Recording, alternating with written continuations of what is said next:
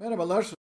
Pick and Pop basketbol programımıza hoş geldiniz. Bu programda basketbolu her yönüyle konuşmaya çalışacağız. Euroleague'den, Türkiye Ligi'nden, Euro Cup'tan, Şampiyonlar Ligi'nden, NBA'den, Kolej Ligi'nden ve daha pek çok ligden basketbolu enine boyuna tartışmaya çalışacağız.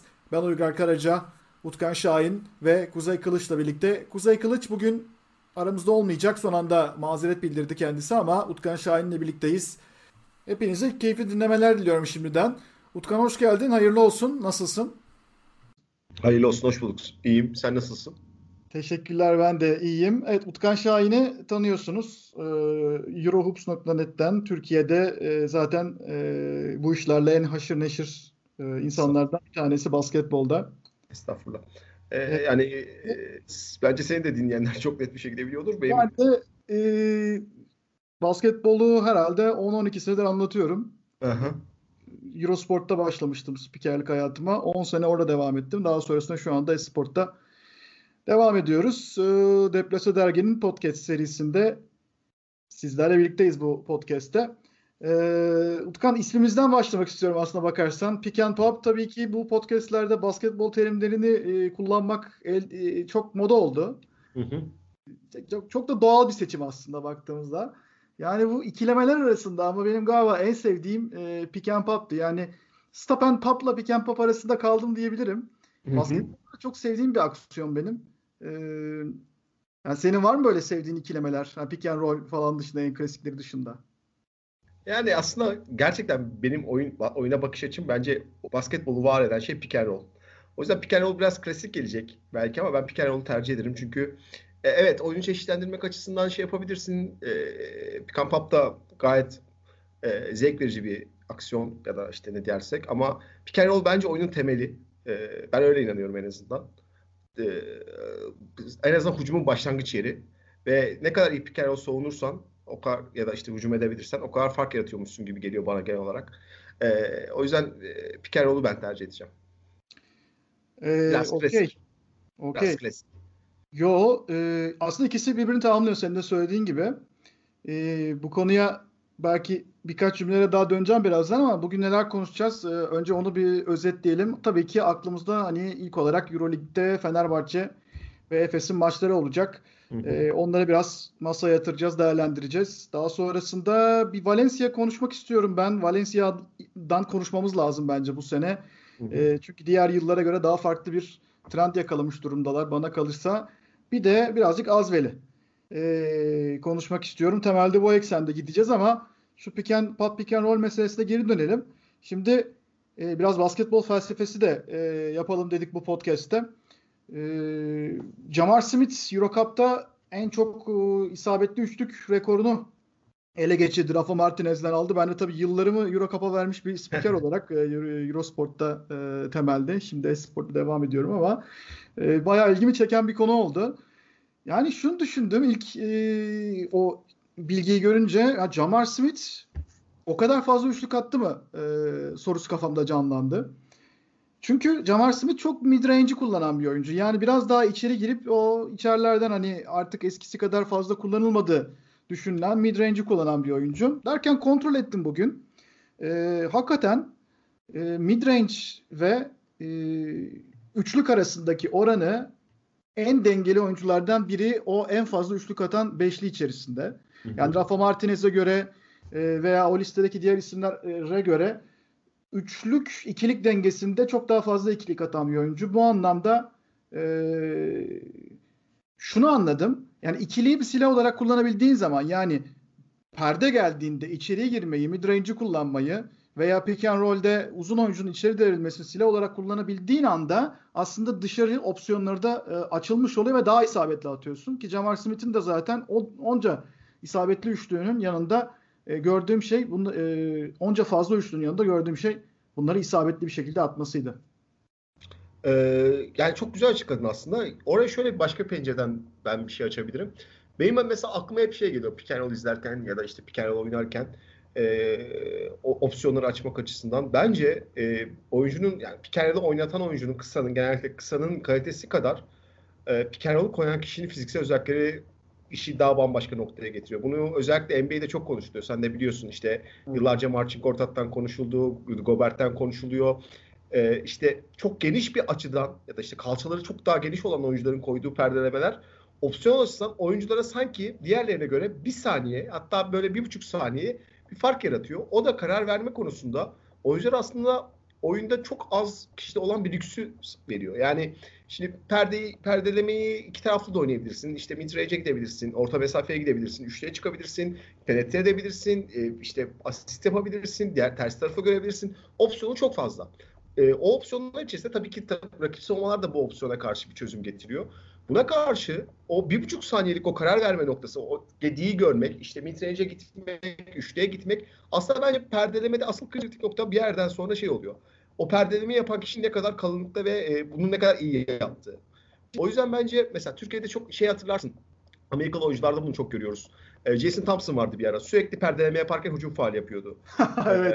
E, e, o opsiyonu mesela hiç sağlamamış oluyordu. O yüzden e, perdenin kalitesini bence belirleyen perdeleme pe, pe, kilo kalitesini belirleyen tabii ki çok elit oyuncular var. İşte ne bileyim Diamantidis'ten bahsedersek ya da Saras'tan bahsedersek farklı kişilerden bahsetmiş oluyoruz ama normal ortalama oyunculardan konuşacaksak bence perdeleme kalitesini belirleyen genellikle perdeyi yapan kişinin bunu ne kadar iyi yaptığıyla alakalı oluyor.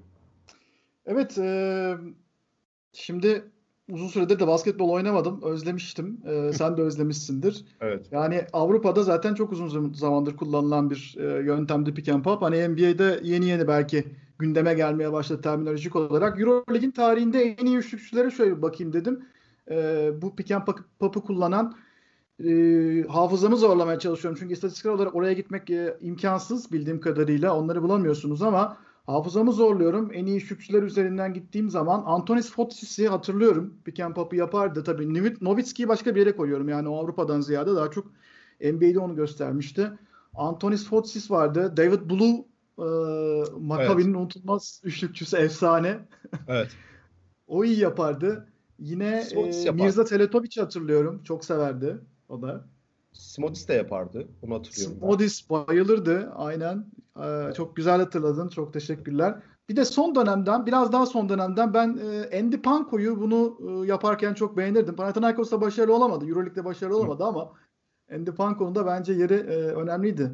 Bence Panko'yu çok denemediler. Mesela e, Muharmen yapıyor bu arada güncelden bunu.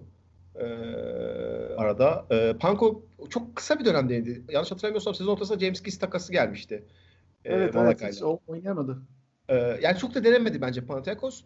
Üstüne denense bence Panko tamam savunmada bazı getirdiği dezavantajlar var ama Euroleague'de rol oyuncusu olacak kadar en azından daha genç yaşlarında e, olabilirdi bence. Önemli bir yani silah. Zaten, Zaten çok yani, iyi bir domestik sezondan sonra. açısından gerçekten. E, zaten San Sebastian'da Gipuzkoa'daki o sezonundan sonra e, Panathinaikos'un dikkatini çekmişti. Şimdi tabii bu konu uzar gider. Biz e, Euroleague'e dönelim tekrardan. 7. maç haftası geride kaldı. E, güç bela bu haftayı da geçtik. Hı hı. Artık böyle hafta bay hafta gitmek lazım diye düşünüyorum. E, çünkü bu işin yani Covid-19 salgın sebebiyle e, tehlikedeydi bir noktada aslında e, ertelemeler gelmişti ama neyse gidiyoruz şu anda. E, bir problem yok. Fenerbahçe'den başlayalım. Fenerbahçe kim ki maçı? E, kağıt üzerinde Fenerbahçe'nin kazanmasını beklediğimiz bir maçtı aslında bakarsan. Fakat düşündüğümüzden zor oldu galiba. E, sen Fenerbahçe'de olumlu giden e, noktalar olarak neleri değerlendirmek istiyorsun? Ee, savunma. Yani öncelikle savunma bence Fenerbahçe üzerinden konuşmamız gereken bir şey. Sezon başını hatırlarsın. Fenerbahçe özellikle hazırlık maçı ve işte ligdeki iki maç maçta çok yüksek sayılarda skor üretince bu takımın ana gücünün skor, e, hücum olduğunu, ana güç, güçlü olduğu noktanın hücum olduğu konuşuluyordu ama e, sezon devam ettikçe asıl konuşulması gereken şey soğuma oldu ortaya çıktı bence. Çünkü hücum Fenerbahçe özellikle yarı sahaya kaldığı her andaki bu e, istediğiniz kadar set geçiş hücumu kollamaya çalışın. Uzun sezonda set hücumunuzun da e, belli bir seviyede olması lazım. Ama Fenerbahçe'nin o üçüncü gardı, üçüncü yaratıcıyı bir türlü istikrarlı bir şekilde bulamaması ve Dekolo ve Lorenzo Brown'un zaman zaman yaşadığı düşüşler, haklı olarak yaşadığı düşüşler hücumun kalitesini o kadar yukarı çıkartmadı. Bu da buna işte Bartel'in e, sezona bir türlü girememesi ve Fenerbahçe'nin sürekli Veseli Ahmet Düveroğlu'la çift uzun oynaması işleri daha da karanlık bir noktaya götürdü aslında bakarsan işin hücum tarafında. Ama savunmada Panathinaikos maçı dışında e, Fenerbahçe belli başlı şeyleri çok iyi yaptığını söyleyebiliriz. Bunlar nelerdir? Bir, e, belli başlı şeyleri söyleyeceğim. Eksiği söyleyeyim aklıma gelmişken. Fenerbahçe'nin kanat savunmasında gene eksikleri var. E, evet. Özellikle kanat skorerleri konusunda neler yaşadığını gördük. Onun dışında ama e, kısalarda topu yönlendirme, içeriği çok, çok iyi e, daraltma, içeriye doğru piken çok iyi daraltma, çembere gitmeye engel olma ve e, özellikle hücum ribantı dışında uzunlara karşı soğumalar soğumada e, sırtı dönük ucumlarda çok iyi soğuma yaptığını söyleyebilirim. Bu da aslında Fenerbahçe'nin işine gelen bir nokta. Şundan işine gelen bir nokta. Fenerbahçe sezon başında işte istatistik çıkartırken fark ettim ben onu. Geç sezon başında Fenerbahçe sayı hücumlarının %42 42 ile 48 arasını e, se, ilk 16 saniyede kullanıyordu. E, evet. Sonrasında bu Panathinaikos Bayern Münih maçlarında bu oran %33'e düştü. Kötü geçen iki maçta. Bunun en büyük sebebi soğumadan kaynaklı sayılar bulunamamasıydı. Ama son iki maçtır Fenerbahçe soğumayı daha sert ve daha organize bir hale getirince tekrardan bu ilk 16 saniyede hücumu kullanma yüzdesi arttı. Yani Fenerbahçe işte rübantlar çok rübantçı bir takım olmasını bekliyorduk ama öyle bir takım olmadı. Ama tempoyu evet. yaratacak tek şey de rübant değildir. Soğumadan da aslında tempoyu yaratabilirsiniz. yaptığınız agresif soğumayla. Ki bence bunun en iyi örneklerinden bir tanesi belki hatırlarsın. E, Final Four yapan son Barcelona bunun çok iyi örneklerinden bir tanesiydi. Evet. Çok iyi bir topa baskıları vardı. Çok iyi bir pas kanalı baskı tercihleri vardı. Ve e, tempo o şekilde yaratabiliyorlardı. Fenerbahçe de bunu şu an yapabiliyor bence. Soğuma kaynaklı sayılar yaratabiliyor. E, o açıdan bence Fenerbahçe'nin en çok övülmesi gereken noktası so- soğuması.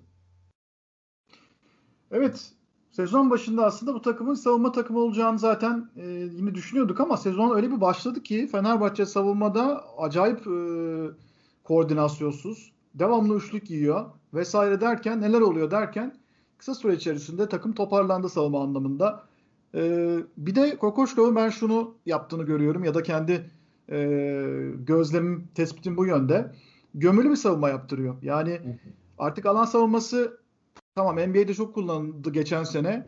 Ama Avrupa'da bence bu sene şu ana kadar çok fazla kullanılmadı. Belki birazdan ona değiniriz. Ee, Fenerbahçe gömülü savunma uyguluyor. Yani o iki tane hani köşe üçlüğünden bahsettin sen. Köşe üçlüklerini çok fazla veriyorlar diye bahsettin. Aslında biraz doğru verilmiş üçlükleri, doğru verilmiş e, üçlük şanslarını tercih ediyordu Fenerbahçe. Fakat böyle bir savunma yapmaya giriştiğiniz zaman bu riskli bir iş.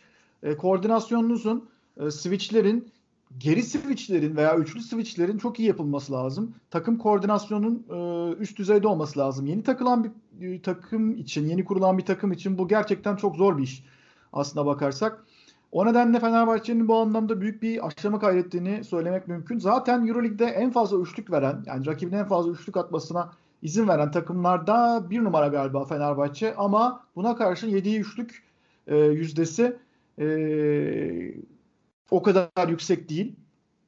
Kendisi üçlüklerini çok doğru seçiyor. Özellikle son haftalarda e, tabii birkaç ismin e, öne çıktığını söylemek lazım ama e, Gerald Eddy başta olmak üzere inanılmaz e, e, bir katkı veriyor Gerald Eddy. Yine Himki maçınlara dört tane üçlüğü vardı. Ali Muhammed zaten e, bu tarz katkıları hep veriyordu. Ona alışmıştık. Melik'ten de e, bir katkı gelirse Fenerbahçe üçlüklerde hakikaten durdurulamaz bir takım haline gelecek diye düşünüyorum. Ben senin kadar e, pozitif değilim o konuda. Ben e, Dixon'ın işte yaşı sebebiyle uzun sezonda bu kadar istikrarlı gidebileceğini düşünmüyorum. E, ve Gerald Eddy'nin de e, oyunda temelinde bazı problemlerin çok aşırı olduğunu düşünüyorum. E, çok iyi bir şutör. İnanılmaz bir şutör. Yani sadece adamın şut stilinden inanılmaz bir şutör olduğunu daha ilk şut attığında anlayabiliyorsunuz. Ve çok değerli. Buna kesinlikle katılıyorum ama Mesela Mak e, Makabi maçı ve bu maçın son bölümde iki tane pozisyonda resmen uydu. Ve e, yani mesela playoff'ta Edin'in süreleri düşer bana sorarsan. Hı hı. Şundan düşer çünkü o kritik anda zaten artık iki tarafta birbirini boğmaya çalışırken biliyorsun Euroleague'in playoff'larını. İki tarafta birbirinin en böyle problemli noktalarına saldırırken e, Edin'in orada yaratacağı problemler daha aşırı olacak. Tabii oyuncu gelişir, başka bir noktaya gelir. Onu sonra tekrar konuşuruz ama Edin'in şu an soğumada getirdiği bazı şeyler beni rahatsız ediyor ki kanat soğumasındaki en büyük problemlerden bir tanesi bu bence. Çok e, konsantre konusunda çok bu problemleri var. İki, e, Ulan Havas biraz sezona iyi başlamadı işin soğuma kısmında. Bunu da konuşmamız lazım. Ee, orada benim biraz o açıdan kafamda soru işaretleri var. Yani şundan dolayı kafamda soru işaretleri var. Bu adamlar e, sürükleyici oyuncular olamaz. Bu adamlar tamamlayıcı oyuncular. Sürükleyici oyuncuların düştüğü anlarda Fenerbahçe'ye arada sanki böyle bir parça ihtiyacı varmış gibi geliyor. Yani e, mesela e, şöyle açıklayayım. Bazen sürükleyici oyuncu olabilecek, bazen tamamlayıcı e, tamamlayıcı oyuncu olabilecek profilinde bir buçuk ya böyle tam arasında bu rolü kabul edebilecek çok kolay bir şeyden bahsetmiyorum yani. Biraz hatta beyin e, fırtınası yapıyorum ama sanki öyle bir oyuncu ihtiyacı varmış gibi geliyor bana. Çünkü e, bazen işte mesela Bayern Münih maçının son çeyreğinde gördük. Sadece Veseli ve e, Dekolo'dan sayı atabildi Fenerbahçe. İşte e, Panathinaikos maçının son bölümü keza. CSK maçının son bölümü. Belli başlı kişilerden sadece sayı bulabiliyor. Ve bu playoff işler playoff'a geldiğinde Fenerbahçe için çok çok iyi şey, e, bir e, şans değil. Evet. Öyle söyleyebilirim. Ben o konuda Leo Westerman'dan biraz umutlu idim. Yani hala da umutluyum ama gene bu sene o kadar iyi başlayabildiğini söyleyemeyiz. Geçen sene özellikle e, yayın gerisinden müthiş gelişimi e, artık bir şeyler yapmak istediğini bizlere gösterdi. Bence ikisinin arasında ve e, işte geçmiş dönemlerinden zaten Westerman'ın ne olduğunu iyi biliyoruz aslında. Yani o Jalgiris dönemi falan çok çok iyiydi. İlk zamanları Partizan dönemi artık çok eskilerde kaldı. Onlara gitmiyorum ama ben hala orada e, ekstra bir şeyler sunabileceğini düşünüyorum. Sen dışarıdan birini galiba e, kafanda tasarladın. Yani bir transferden bahsediyorsun. Evet yani e, kısa bir ekleme bekliyorum ben Fenerbahçe'den. Çünkü ben koçun Westerman'a güvendiğini düşünmüyorum. E, mesela Dekola sakatlanmasaydı biz bu maçta da Westerman'ı izlemeyecektik bana sorarsan çok büyük ihtimal. E, ve e, yani yabancı opsiyonunu mesela Jen Hamilton da hiç kullanmıyor koç. Yabancı iki tane yabancı opsiyonu bu kadar net kullanıyorsa koçun kafasında demek ki bazı soru işaretleri vardır anlamına geliyor. Ama uzun sezon bu. Biraz Kokoşkov'un NBA vari bir koç olduğunu zaten daha işte iki ayda anladık. Molalarından tut, rotasyon seçiminden rotasyon seçimine kadar çok farklı görmediğimiz şeyler yapıyor o açıdan. Yani e, e, yani Euroleague'de hiçbir zaman sen çok iyi biliyorsun ki böyle keskin rotasyonlar olmaz. O girdiğinde bu çıkacak, o girdiğinde bu çıkacak, şöyle olacak, böyle olacak. Genellikle mesela 3. çeyreklerde aynı 5'te başlamak olmaz. Ee, ama Kokoşkov genellikle bunu tercih ediyor. Uzun süre NBA'de de gördüğümüz gibi uzun sezonda işte sezon başı hiç tanımadığımız, görmediğimiz oyuncuların uzun sezonda bir anda farklı rollere geldiğini gördük. Ha, uzun sezonda o yüzden değiş, işler değişebilir ama şu an içinden, şu andan bahsedersek ne Westerman ne de John Hamilton koçun çok kafasında değilmiş gibi geliyor bana. Evet. Daha konuşacak çok şey var Fenerbahçe ile ilgili. Ben Ahmet Düberioğlu'ndan ayrı bir bahsetmek isterim. Edgaras Ulanovas'tan e, çok olumlu olmayacak bir şekilde ve soru işareti oluşturacak bir şekilde bahsetmek isterim ama bunları saklayalım önümüzdeki haftalara. Fenerbahçe kısmında ben sana son olarak şunu sormak istiyorum. Kokoşkov'un tarzı Obradovic'in tarzından yani jest mimik olarak o verdiği enerji olarak neredeyse taban tabana zıt. Evet. Ee, Nasıl değerlendiriyorsun? Yani taraftar bunu nasıl değerlendirecek sence? Bence karışık duygular içerisinden onlar da tanımak istiyorlar e, ilk başlarda. Ya işte ben mesela sezon başında yazında şöyle bir şey kullanmıştım. Alışkanlıklar bazen çok güzel bir şeydir. Ya basketbol üzerine konuşuyorsak alışkanlıklar oyunun bence %60'dır, %65'tir. Özellikle fiziksel kas hafızası, kas hafızası. Ama bazen de senin ağzına, ayağına prang olur. Fenerbahçe çok güzel bir 6 yıl geçirdi. Çok çok güzel bir 6 yıl geçirdi. Yani Türkiye'de gözü çok az daha önce görmediğimiz belki 90'ların Efes'iyle kıyaslayabileceğimiz böyle bir dominasyondan bahsedebiliriz ancak. Bir 6 yıl geçirdi.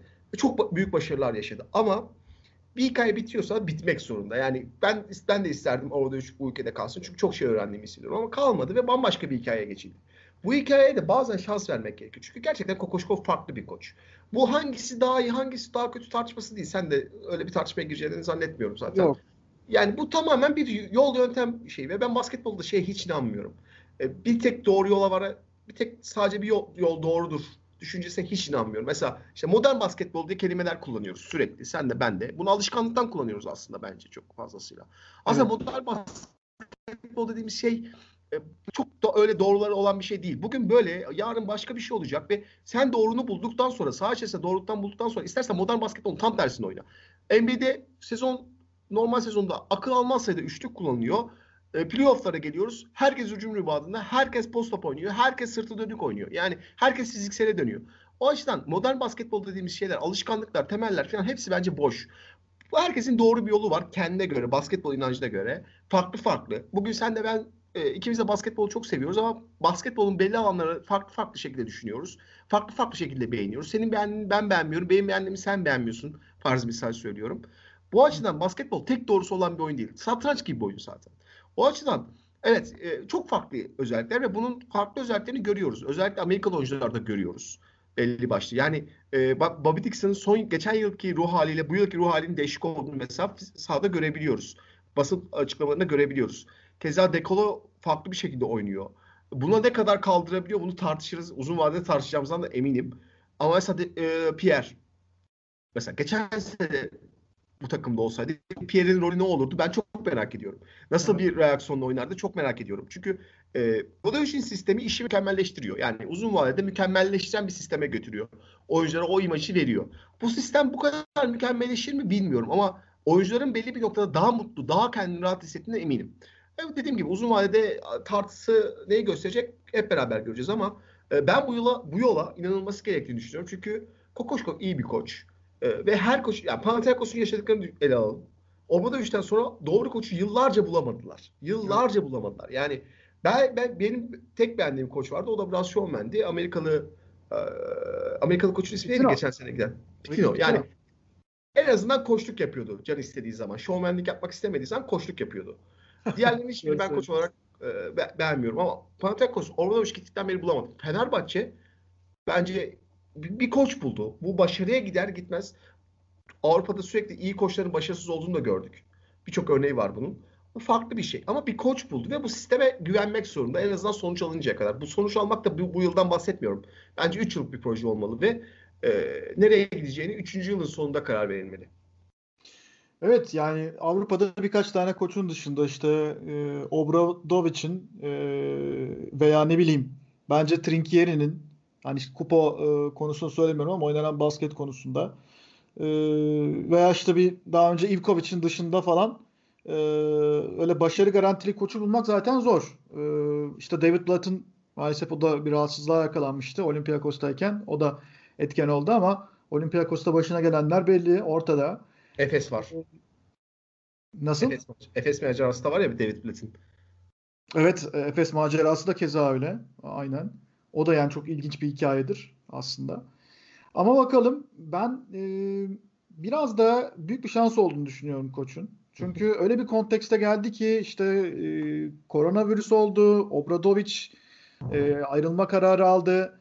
E, Kokoşkov NBA'deki bir sezonu e, beklediği şeyleri veremeyince bence erken bir şekilde aslında baş antrenörlükler alındı Phoenix'te. Sacramento'da bazı sorunlar yaşadılar, problemlerle karşılaştılar vesaire ama ya konteks tam oturdu böyle her şey denk geldi. E, şimdi bu sene de taraftar da yok. E, o biraz eksi gibi gözükebilir ama bence artıya dönebilir. Takımın bu e, giriş aşamasında diyelim, birbirine alışma aşamasında.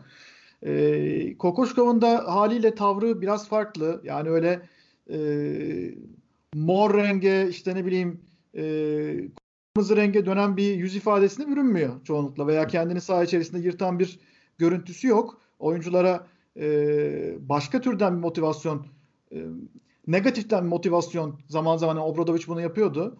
E, eleştirerek motivasyon sağlıyordu. Öyle bir tarzı da yok.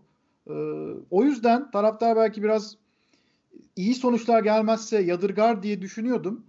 E, ama iyi sonuçlar gelmeye devam ettiği sürece bence o alışma aşamasında yumuşak geçişte atlatabilir Fenerbahçe ve hem Euroleague e, çok iyi bir koç kazanmış olacak. E, onun Kokoşkov'un e, taktiksel anlayışından işte ne bileyim yeni setlerinden veya e, oyun anlayışından faydalanmış olacağız. Görmüş, izlemiş olacağız daha derinlikli maçları. Kokoşkov'un kariyerinde de bence çok önemli bir çıkış olacak. O da Avrupa'da e, Eurobasket dışında kendisini için çok iyi bir e, fırsat da buldu. Her anlamda bence çok e, güzel böyle pamuklara sarmamız gereken bir proje diye düşünüyorum. Burada bir ee, pencere açabilir miyim? Hemen çok tabii. Ee, yani Euroleague üzerinden bahsettin. Yani Euroleague'in bence oyuncu kalitesi kadar en büyük problemlerinden bir tanesi de koçluk kalitesi. Evet. Ee, yani 2000'lerin başıyla kıyaslayamayacağımız kadar büyük bir e, problem var aslında burada. Alttan çok az koç çıkıyor. Ee, çok çok çok az koç çıkıyor ve e, mesela genç NBA'de bahsedebileceğimiz bir genç nesil akımı var. Başladı orada ama burada böyle bir şeyden bahsedemiyoruz. Evet. Bu açıdan e, yani Kokoşkov genç değil ama farklı bir basketbol zihniyetinin buraya gelmesi bu açıdan çok değerli. Gerçekten çok değerli. O yüzden ben dediğine çok net bir şekilde katılıyorum. Euroleague'in buna çok ihtiyacı var. Yani Fenerbahçe'den kıyasla Euroleague'in daha çok ihtiyacı var. E, zaten işler çok sarpa sarmış durumda biliyorsun. O evet. açıdan önemli. Ve başarılı olup başarısız olmak aslında çok da bence eleştirilmemesi gereken bir nokta. Yani insight bir bilgi verebilirim bu konuda. Fenerbahçe'nin bu sene hamle yaparken Kokoşko'nun çok şansı yoktu çünkü bütçenin %65'ini iki oyuncusunun alacak kesindi ve buna böyle bir kadroyu kurmak zorunda kaldı. Yani şimdi sıfırdan bir kadro kurdu belki bir açıdan ama Dekolo ile Vesel'in parası %65'e denk geliyor geçen seneki bütçeye göre aşağı evet. yukarı. Diğer garanti ücretlerle beraber yani %65'inin kullanılmış bir bütçenin üzerine bir yapı kurdu aslına bakarsan. E, o açıdan da çok da mesela kendi takımımı mesela Dekolo'ya liderliği net bir şekilde verir miydi bilmiyorum. Ya da mesela Veseli'yi bu kadar çok ister miydi bilmiyorum. O açıdan bunu da söylememiz lazım bence. Şimdi bu çok uzun bir konu. Ee, önümüzdeki haftaların konusu olacaktır. Ama katılıyorum. O güzel bir pencere oldu. Yani ücret dağılımı ve e, kadro yapısı. Zaten Kokoşkov'un ismini ilk duyduğumuzda hepimiz biraz çok olduk değil mi? Yani hı hı. büyük bir başarı. Onu buraya getirebilmek, bu projeye ikna edebilmek gerçekten büyük bir başarı. Ee, başka isimler konuşuluyordu çünkü o dönemde. O yüzden çok heyecanlandıracak bir isim olarak merakla beklemeye e, devam ediyoruz. İzlemeye başladık. Hafif hafif bir şeyler görmeye başladık ama e, bir şeylerin oturması zaman alacaktır diyoruz. Ve Fenerbahçe bölümümüzün burada sonuna gelelim. Evet Utkan ilk bölümde Fenerbahçe'yi konuştuk. Şimdi ikinci bölümde de biraz Efes'i konuşalım istersen. Bence bir kere çok şanssız bir dönem aslında. Çünkü geçen sene yine Euroleague şampiyonluğuna doğru gidiyor mu acaba diye soruyorduk. Fakat bir anda karşımıza e, Covid-19 vakası çıktı ve e, hayat durdu. Tabii Euroleague de durdu.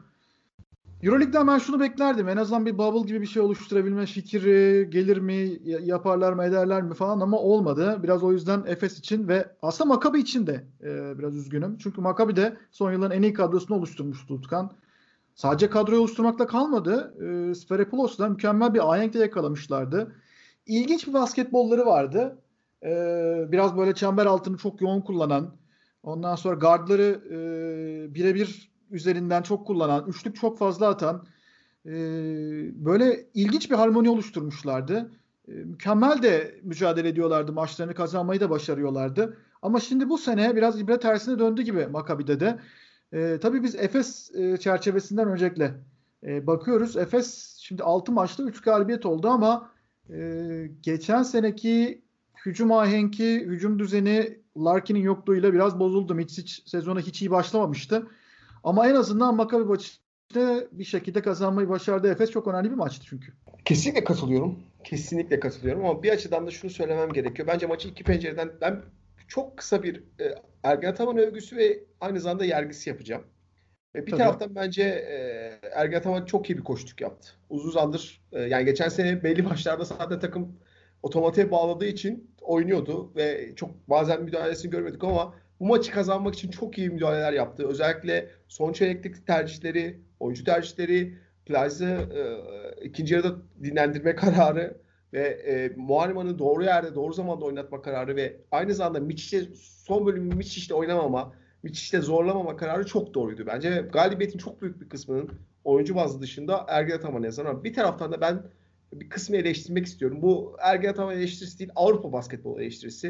Hı-hı. Bence o maçta Tibor Plyce'ın oynamaması lazımdı. Yani bu yarın öbür gün e, Fenerbahçe'de Fenerbahçe yaptığı zaman da söyleyebilirim. İşte başka bir koç yaptığı zaman da söyleyebilirim. Plyce'ın o gün sahada yürüyecek hali yoktu. Oyuncu istediğim kadar oynamak istesin. Bence kesinlikle kesinlikle oynamaması lazımdı. Çünkü e, yani e, haksızlık. E, bu kadar uzun süre sahada kalması haksızlık. Anlayabiliyorum durumları ama bence NBA'in bu açıdan yarattığı, oyuncular üzerine yarattığı baskı, şey, e, destekleyici nokta daha farklı. NBA'de olsaydı Plyce o gün sahaya mümkünatı yok çıkamaz. İsterse takımda uzun kalması çıkamazdı. Hı. Ve ben bu etik durumdan çok rahatsızım. Avrupa'nın genel durumundan çok rahatsızım. Avrupa'da eğer şartlar izin vermiyorsa oyuncu isterse yürüyemeyecek halde olsun, isterse bacağını çekemeyecek halde olsun gene sahaya atılıyor. O açıdan beni pek içime bir durum değildi. Bunu söylemek istiyorum. İşin diğer tarafına dönersek evet çok kritik bir galibiyet çünkü Efes'in özgüven açısından belli başlı problemleri var. Yani hafta içi ki Fethiye maçının ben belli bir kısmını izleyebildim ama o maçta da bunu gördük. Ee, o geçen seneki sürükleyiciliğine sahip değiller. E, bu çok garip mi? Değil. Neden değil? Ee, geçen seneki o sürükleyici Efes'i, geçen seneki o herkesi sağdan sen Efes'in iki tane büyük dişlisi vardı. Diğer bütün dişlerin e, hesaba katıyorum ama iki büyük dişlisi vardı. Bir şey Larkin, iki Miçic. Larkin daha bir maça çıkabildi e, ve sakatlıktan döndü. Neredeyse sıfır katkı verdi şu ana kadar. Miçic de sezona çok iyi girmedi. Hal böyleyken diğer oyuncular üzerinden ilerleyen bir basketbol izliyoruz Efes'te ve bu da oyunun belli aşamalarında Efes'i sıkıntıya sokuyor. Sadece bu da değil. Muharman geçen seneki sakatlıktan zaten doğru düzgün dönememişti. Bu sezon da çok istikrarlı giremedi. O iki yıl önce Avrupa'nın en iyi dört numaraları arasında seveceğimiz seviyede geri dönmedi. Singleton sezon çok kötü başladı. Dunstan çok sağlıklı değildi. Plyce bir ara sezona kötü başladı gibi gibi derken yani geçen sene o mükemmel form durumundan sonra bu sene başında izlediğimiz Efes bambaşka bir form seviyesinde, bambaşka şartlar altındaydı ve e, insanlar doğal olarak geçen seneki Efes'i görmeyi beklerken başka bir şey görünce endişelendi. Ama ya, çok uzun bir sezondan bahsediyoruz. Daha sezon işte 7. haftası yeni bitti ve ne playoff'u var ne şekillenmiş bir durum var. O açıdan biraz erken bir endişeymiş gibi geliyor bana. Ee, işte hatta ben şey tarzı yorumlar okudum. Efes kadroyu değiştirmeliydi. İşte daha farklı bir 3 numaraya gitmeliydi. 5 numaraya hamle yapmalıydı. Bence bunları söylemek için erken çünkü gerçekten 7. hafta bu oyuncular forma girecektir ki sezon başında Ergen Ataman'ın 3 kelim 3 kelimesinden 5 falan şeydi. E, daha sezona hazır değiliz cümlelerini kuruyordu. E, o açıdan çok çok çabuk eleştirildi ve bu takıma da bir nebze ya, ya, yansıdı. Şundan yansıdı. Oyuncular da otomatikman şey oldu. Ya biz geçen sene çok iyiydik. Çok özgüvenliydik. Şimdi işler istediğimiz gibi yürümüyor. Kısmı kafalarda oyuncularda bir soru işareti yarattı. Bu özgüven açısından bir problemdi. Böyle bir maçın Makabi sezonu çok iyi gir, girmemiş olabilir ama kaybettiği maç 4 5 maçın 4'ünü son topla kaybettiler. Evet. o maçların hepsini kazanabilirlerdi. Onun o konuda eleştirilmesi gereken çok şey var. Ben de katılıyorum. Sofofilos çok iyi bir koç. Bence Jurgen şu an en iyi 5 koçundan bir tanesi. Çok zevkli bir takım. Geçen hafta Fenerbahçe maçını izledik. Bu hafta Efes maçını izledik. Çok çok iyi bir basketbol oynuyorlar. Bazı şeyleri yapamazlar da. Ama hatta yani gizli bir şampiyonluk adayıymış gibi görüyor. Görüyorum ben onları. Sen de büyük ihtimalle öyle görüyorsun. Ee, ama özellikle Bilbik'e Bilbik'ine maç sonlarında bu kadar saplantılı kalmaları Hı. onlara e, bu dört maçı kaybettirdik. Dört maçı kazanabilirlerdi. Bunu da söylememiz lazım. Ama e, böyle büyük bir takıma karşı, önemli bir takıma karşı, sert bir takıma karşı e, geçen seneki sertliklerinde olmasa da sert bir takıma karşı böyle başa baş giden bir maçı maç sonunu doğru oynayarak kazanmak oyunculara özgüven verecektir. Oyuncuları uzun vadede geri döndürecektir ve gelecek haftalarda daha kafaca e, hazır Efes'le oyuncular izleyebiliriz. O açıdan çok değerli bir galibiyeti kesinlikle katılıyorum. Şimdi bence şöyle bir şey oldu. Ee, çok kritik bir yerde iki tane çok önemli galibiyet alındı e, Efes için. Bir tanesi Olympiakos deplasmanı. Orada zaten yine Shane Larkin devreye girmişti. Olympiakos bu sene geçen sene göre bayağı e, iyi mesafe kat etti. Yani tekrardan o eski çeteyi toparladılar. E, işte Printesis, Spanulis, Bartzokas e, ve Sulukas. Yani eski çete toparlandı. Bir de Perperoğlu'nu alsalar tam olacak. e, o da boştaymış galiba. Geçenlerde yine Eurohoops'ta mıydı? Bir yerde gördüm o listeyi. Evet. Boşta olan oyuncular arasında gördüm onu da. Alırlar herhalde onu da diye düşünüyorum. ee, şimdi Bart Sokas oraya çok iyi bir takım en azından tertibi iyi kurdu. Dolayısıyla orada kazanmak önemliydi. Hiç hafife alınacak bir galibiyet değil. Keza Makabi karşısında da öyle. Sen de söyledin. Yani Makabi her ne kadar geçen seneki havasında olmasa da bu sene öyle yabana atılacak bir rakip değil. Zaten maçta son ana kadar e, zorladılar. Ama Efes'te şu var. Yani biz şey Narkin'den, Mitsic'den falan pek fazla sıra gelmiyordu ama mesela bir çok lider oyuncular var. Yani Mitsic'i kötü oynadığı zaman da e, kenara alıp son çeyrekte ona belki kritik bölümde clutch zamanında sorumluluk vermeme lüksüne sahip diye düşünüyorum Efes. Yani Fenerbahçe'den daha fazla opsiyonları var bence bu konuda. O yönde bir avantajları var. Yani Boba dediğimiz adam e, yani ben Valencia'daki günlerini falan şöyle bir hatırladığımda ya Boboa'nın top eline geldiği zaman basketin %60-70'i gelmiş demekti yani. Hani mid range'i veya üçlüyü kesinlikle gönderirdi Boboa. El üzerinden işte pull up atardı, içeri girip bir şekilde kendi alanını yaratır vesaire. E, yani her zaman çok iyi bir savunmacı gibi gözükmese de işte e, maç kazandıran bloğu e, onun ne kadar e, yani mesela blok konusunda da Boboa'nın ilginç e, özelliklerinden biridir takibi vardır ve doğru yerde doğru zamanda o hamleyi yapmayı da biliyor. Onu da gösterdi. Ya. Çok lider bir oyuncu bence. Hissettirmese de. Onun ee, 7 tane asist yapmış. Onun listesini çıkarmıştım geçen gün. Euroleague tarihinde 1.96 oyuncular, 1.90 ve 1.96 oyuncular arasında açık ara farklı en çok blok yapan kısa.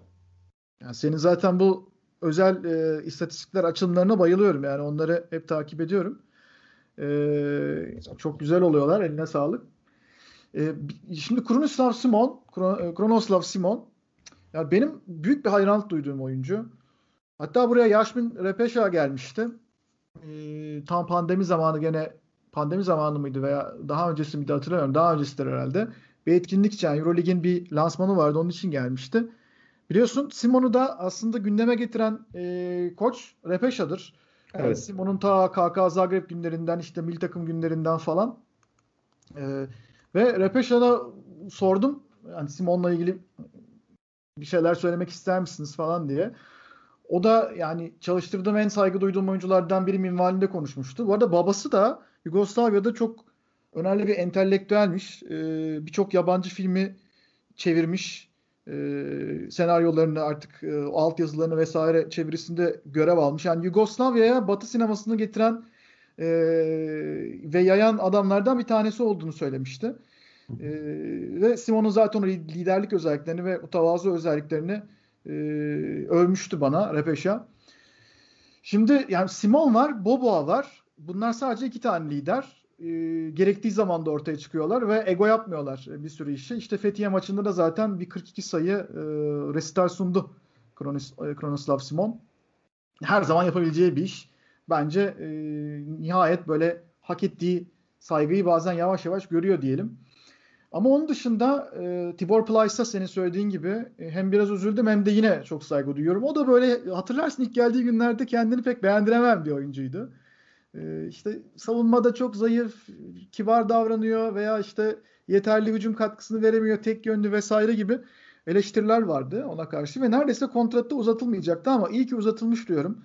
Tibor Plyce halen orta mesafeye girdiğinde zaten dikkat edersen maçta da yürüyecek hali yoktu ama e, pick and roll'e devrildiğinde hemen orta mesafeden bir sürü e, basket kazandırdı Efes'e ve e, ilk bölümde de kritik bir katkı vermişti takımın e, sahada kalmasına. Ama bench katkısı gelmediği sürece bir şeyler eksik kalacak galiba. Ee, ya geçen seneki o çok yönlü alamıyor Efes. Bu konuda katılıyorum. Söyledikleri bir, birkaç pencere açmak istiyorum aynı zamanda. Tabii. Ee, yani Simon keşke 10 yaş genç olsa. Ben Simon'u izlemeye, Sammy benim için öyle bir oyuncu çok uzun zaman. Bence May oynamaya devam etseydik gel hala izlerdik. Hala da bu ligin en iyi 5 oyuncusundan bir tanesi olurdu. Simon için de keşke bir 10 yaş daha genç olsa da biz onu izlemeye devam etsek. Çok çok özel bir oyuncu. Ve Hı. daha demin aslında Fenerbahçe'de anlatmaya çalıştığım çok iyi özetleyen bir oyuncu. Yani çok güzel bir şey kullandın, söz kullandın. Egoları çok düşük. Takım için egoları çok düşük. Ve bunu hiç şey yapmıyorlar, problem haline getirmiyorlar. Larkin'e Mitch çok iyiken e, başka şeyleri yapmayı kabul ediyor Simon. Ne bileyim işte maç çok kritik gidiyorsa o gençlik yıllarında görmediğimiz kadar rebound'a giriyor. Soğumada başka bir şey ortaya koyuyor. Ya da böyle ters taraftan bir anda soğumanın dengesini bozacak bir penetre yapıyor.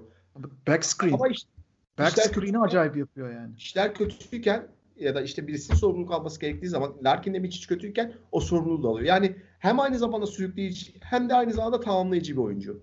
O açıdan Fenerbahçe'de olmayan o oyuncu tipi Efes'te var. Ki Babo için de aynısını kullanabiliriz. Muharman için bile aynı şeyi söyleyebiliriz. Ee, iyi bir Singleton. Ben çok beğenmesem de çok bence çok, geçen sene de abartıldığını düşünüyorum. Ee, daha doğrusu Singleton'ın sahaya koyduğu paketin gerçekle çok alakası olmadığını düşünüyorum. Oyuncu özel, o oyuncu özellikleri var ama gerçekte bunu sürükleyici olarak veremiyormuş gibi geliyor ama iyi bir Singleton, lafın özetine gelirsek iyi bir Singleton da bunu yapabilir.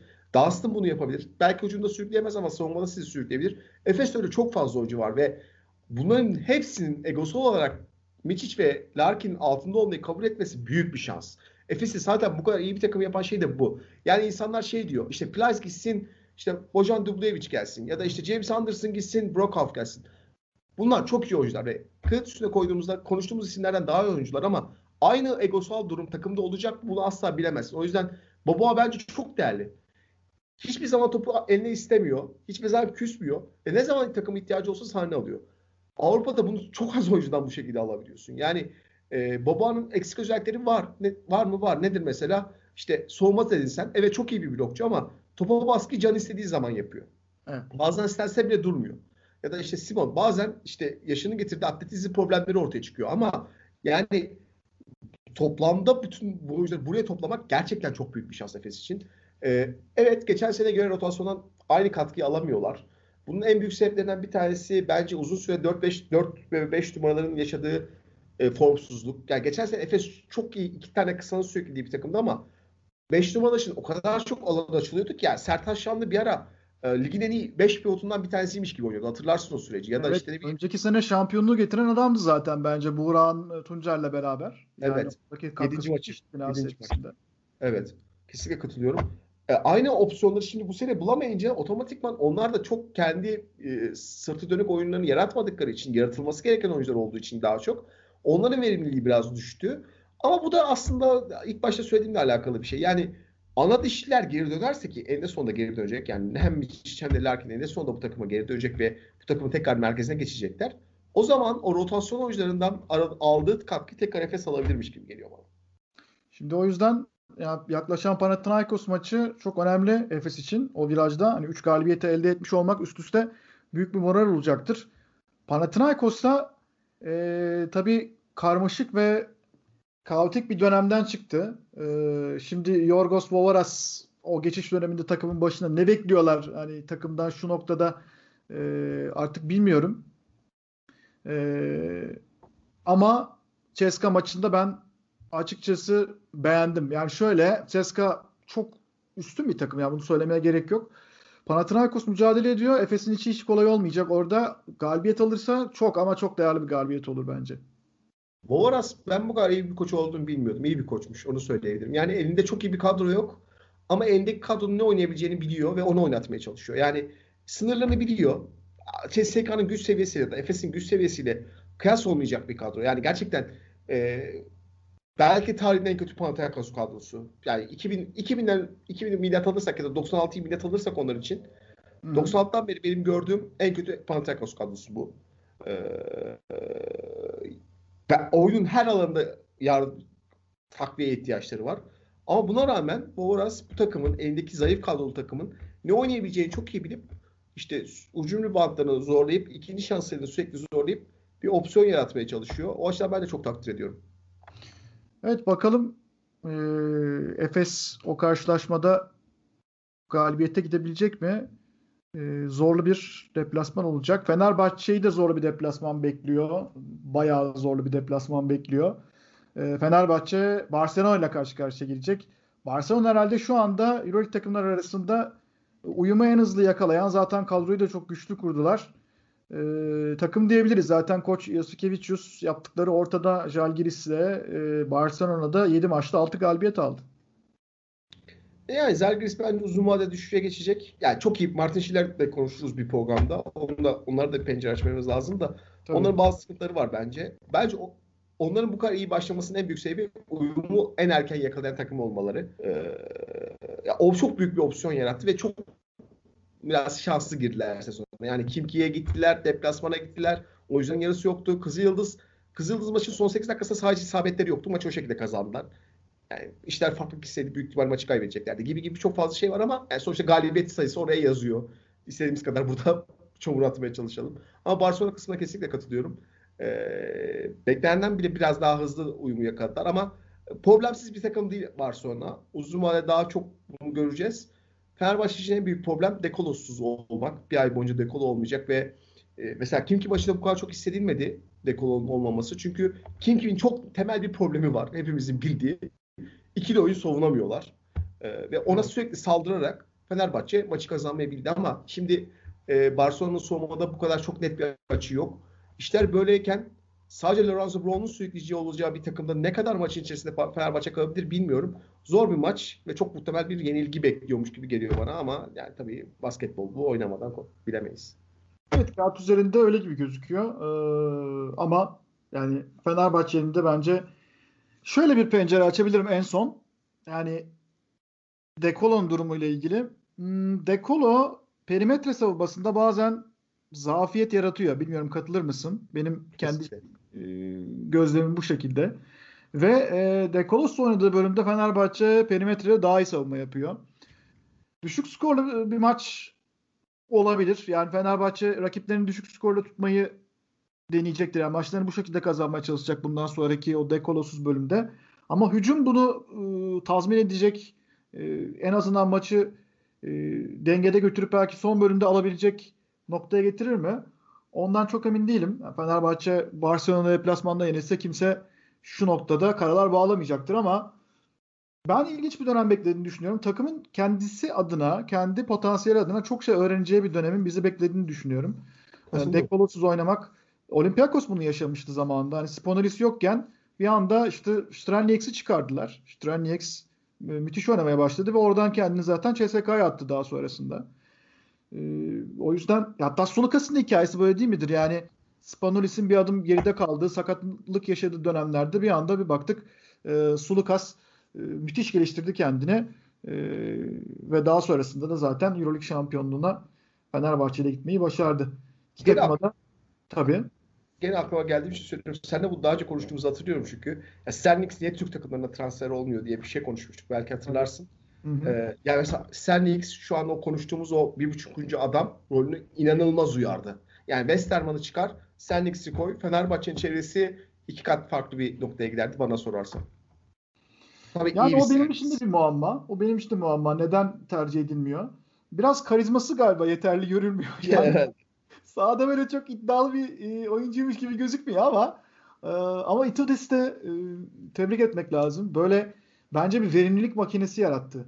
E, yani şimdi Mike James'e bakıyorsun. Kesinlikle. Mike James gidip e, birçok takımda e, ama Mike James duymasın bunu da sıkıntılar yaratabilen bir oyuncu. Çünkü biliyorsun o Twitter'dan kendi ismini falan aratıp e, peşine düşüyor. Atılan tweet'in.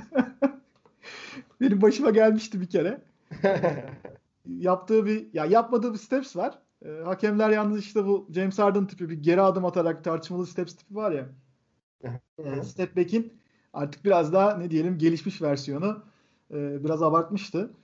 E, ve hakem orada şey çaldı, steps çaldı. Ben de bir gönderme yapmıştım e, James Harden'la alakalı. James Harden'ı mentionlayarak beni bulmuş kendi ismini. James Harden'ı mentionlayarak e, işte Harden bu steps falan gibi. Böyle bir yani ben e, Mike James ve James Harden aynı tweette yan yana gelmiş oldu. Tabii James Harden e, o toplara girmedi ama e, Keşke versin. mikrofonuyla alakalıydı o aralarda. Bir taraftan da e, ben hücum varyasyonlarının, varyetelerini çok beğeniyorum. Yani mesela Milano iyi bir fırsat oldu benim için onları izleme konusunda. Ee, daha teknik bir boyutta. Milano Messina ile bir seti 3 kere 4 kere üst üste oynuyor. Yani bir çeyrekte bir sete e, bağlı kalıyorlar. Yani kaç kere e, Milano'da şeyi gördüm.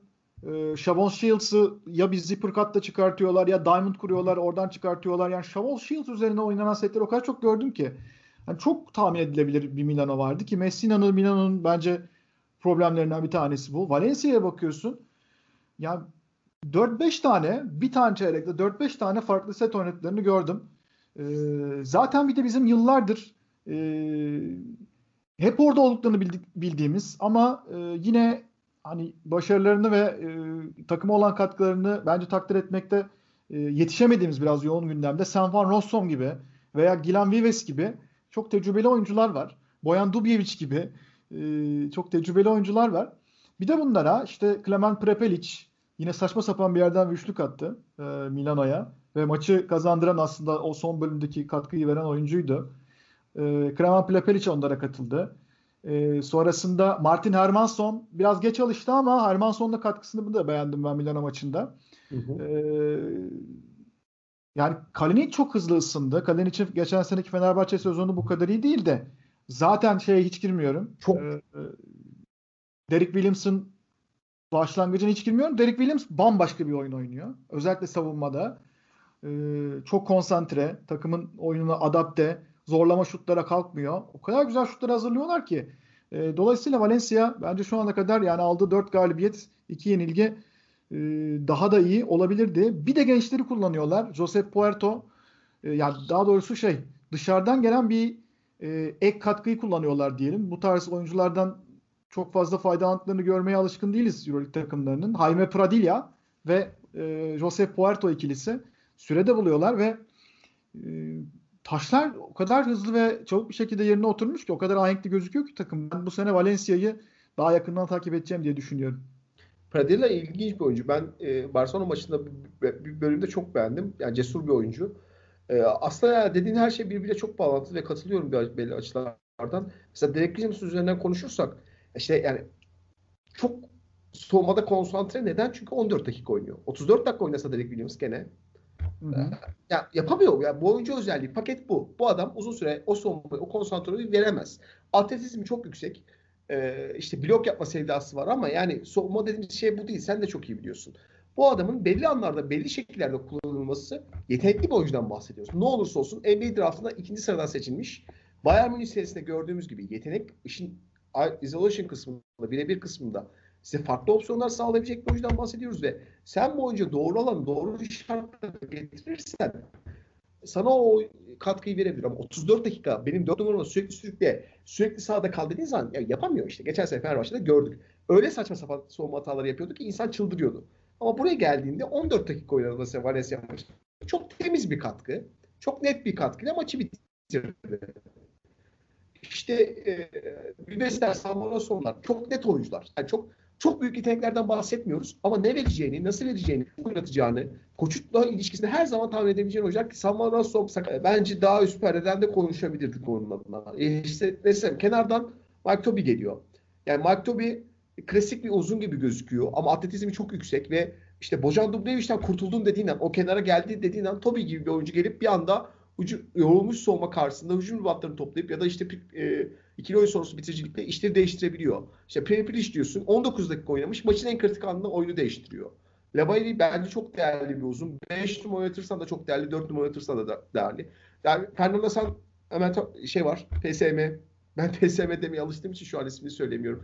Eski Basketbolalı. Ee, ha, San Emeterio. San Emeterio. Ha. Benim ee, çok sevdiğim bir oyuncudur ama artık tabii biraz e, ne diyelim e, outdated kaldı yani. Barcelona maçı demode oldu. Demode oldu. Barcelona maçını alıyordu. Ya yani işte ben de kraldır. Yani basketbolun krallarından bir tanesidir benim için. Kesin, kesin. Ben de çok severim. Ee, Barcelona maçını alıyordu kaç bin yaşındayken. Yani mesela maçta hiç oynatmadılar. Hiç rotasyona bile sokmadılar. İşte Kalinic orada çok süre alan bir oyuncu. Zaten istatistik kartında da görüyorsun 31 dakika maçta süre almış. Çünkü çok böyle her şeyi tamamlayıcı oyuncu rolüne, o role çok uyuyor. İşin soğuma kısmında özellikle. Ee, ilginç bir takım Valencia uzun sezonda mesela inişli çıkışlı sezonlar olur ya Valencia'nın maçları içerisinde çok bunu görüyoruz. Belli alanlarda çok kısıtlı kalıyorlar. Bazen hiç oyun içerisine giremiyorlar.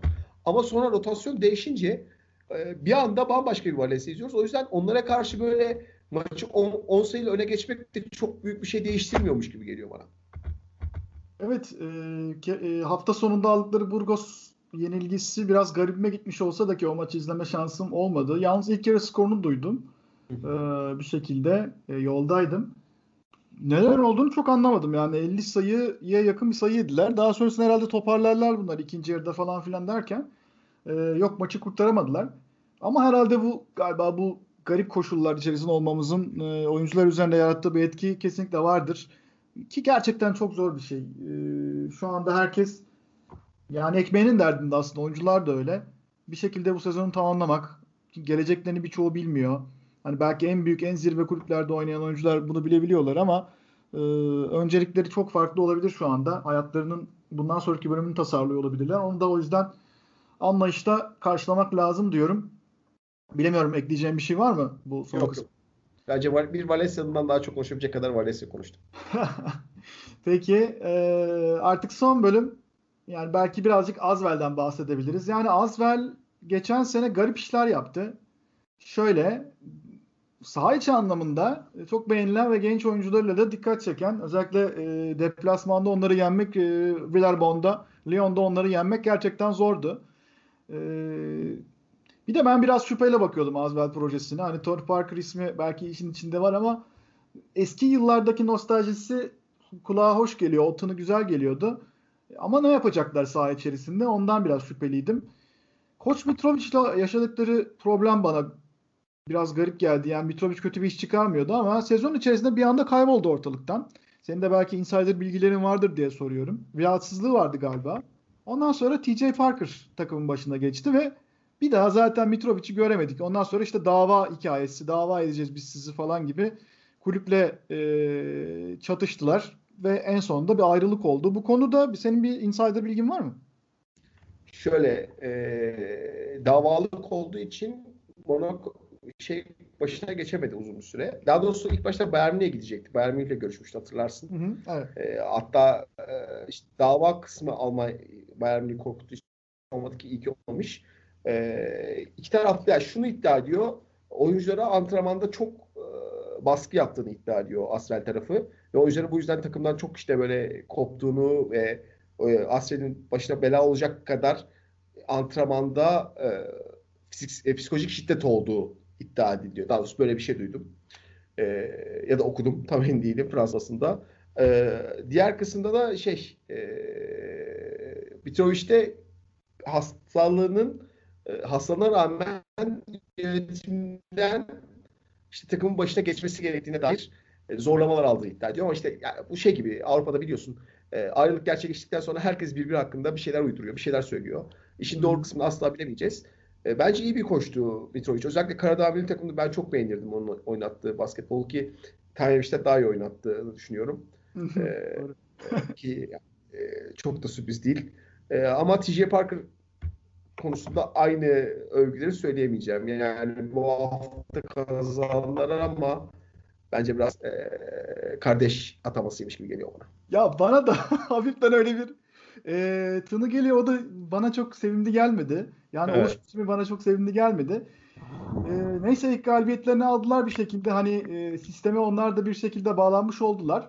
Antoine Dion'un e, bu kadar fazla üçlük gönderdiğini çok fazla hatırlamıyorum ama acaba o da bir Leo Westerman tarzı bir e, transition mı, geçiş mi gerçekleştiriyor? Nerede göreceğiz onu takip etmek lazım. E, böyle üçlü çok iyi olmayan guardların bir anda üçlük atmaya başladığını görmek de artık herhalde bu yeni günümüz basketboluna ne diyelim bir adaptasyon herhalde onlarınkisi de ama bu da güzel bir şey. Çünkü Antoine Dio'dan böyle bir adımı pek beklemiyordum ama hani bir iki maç belki e, daha beklemek lazım ya da bir sezonu beklemek lazım tam değerlendirmek için. Ya burada Astral'le ilgili problem şu. Bence girişte çok güzel bir şey söyledin. Geçen sene evet deplasmanda kendi evlerinde çok iyi kazanıyorlardı ama asıl Astral'i izleme sebebimiz neydi bizim?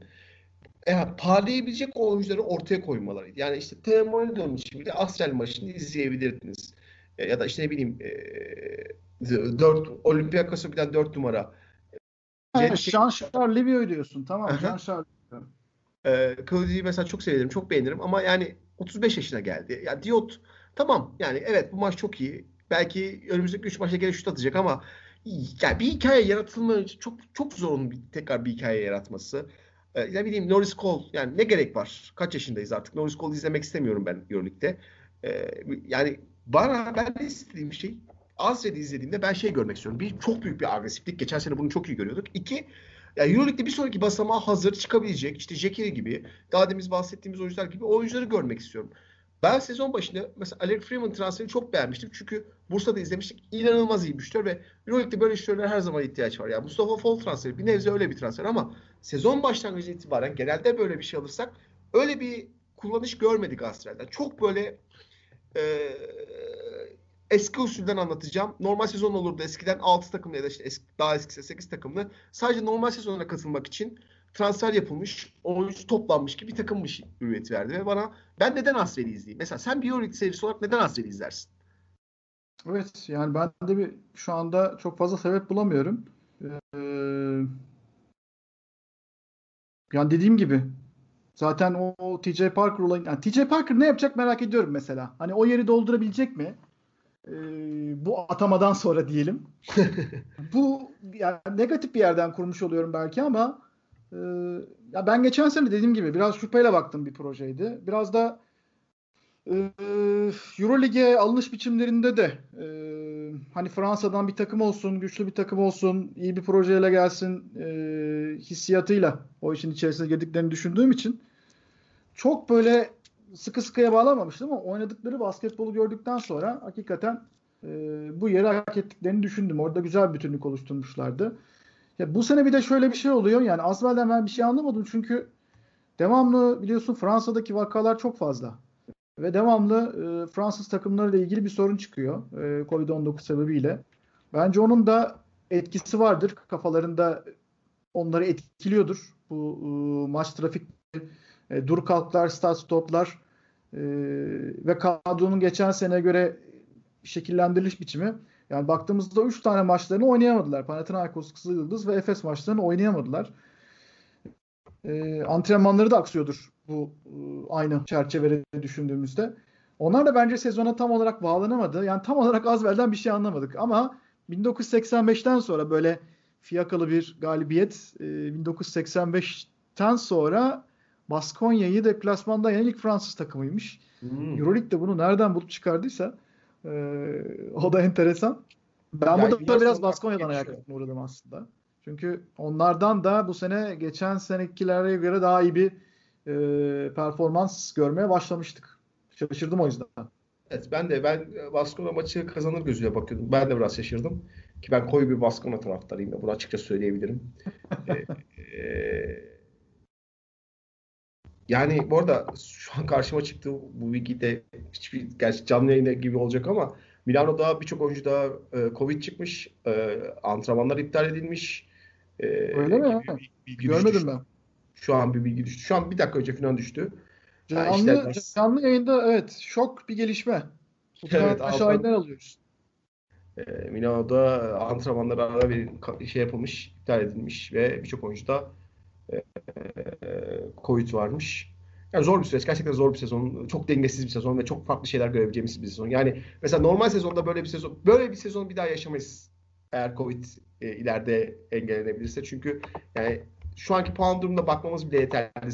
Sezon başında Zalgiris e, ilk ikili olacak abi. Beş galibiyet alacak desem sana. Yok abi program yapmayalım biz seninle falan derdim büyük ihtimal yani. Ya da Bayern Münih üçüncü olacak desem. E, e, ilk hafta sonunda. O açıdan gerçekten e, tarihi bir sezon yaşıyoruz belli açılardan. Evet e, son olarak da şöyle diyeyim yani Milano ne yapsa olmuyor Utkan. İtalya'da evet. 7'de 7 gidiyorlardı.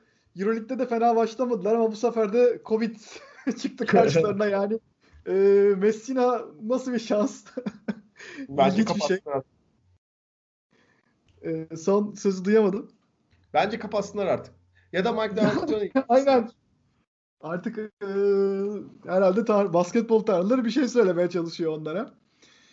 Diyoruz ve e, bu ilk programımızın sonuna geldik. evet. E, Piken Pat'ta sizlerleydik bu hafta. Konuları epey geniş tabana yayınarak değerlendirmeye çalıştık. Ve e, Utkan Şahin'e çok teşekkürler. E, önümüzdeki haftalarda Kuzey Kılıç da aramıza katılacak. E, ben Uygar Karaca. E, bu programın sonuna geldik. Çok teşekkürler. Ben teşekkür ederim. Ben çok keyif aldım. Ee, güzel bir başlangıç oldu bence. Evet. Bir kez daha bizleri dinlediğiniz için teşekkürler. Yeniden görüşmek üzere. Haftaya görüşmek üzere. Hoşçakalın.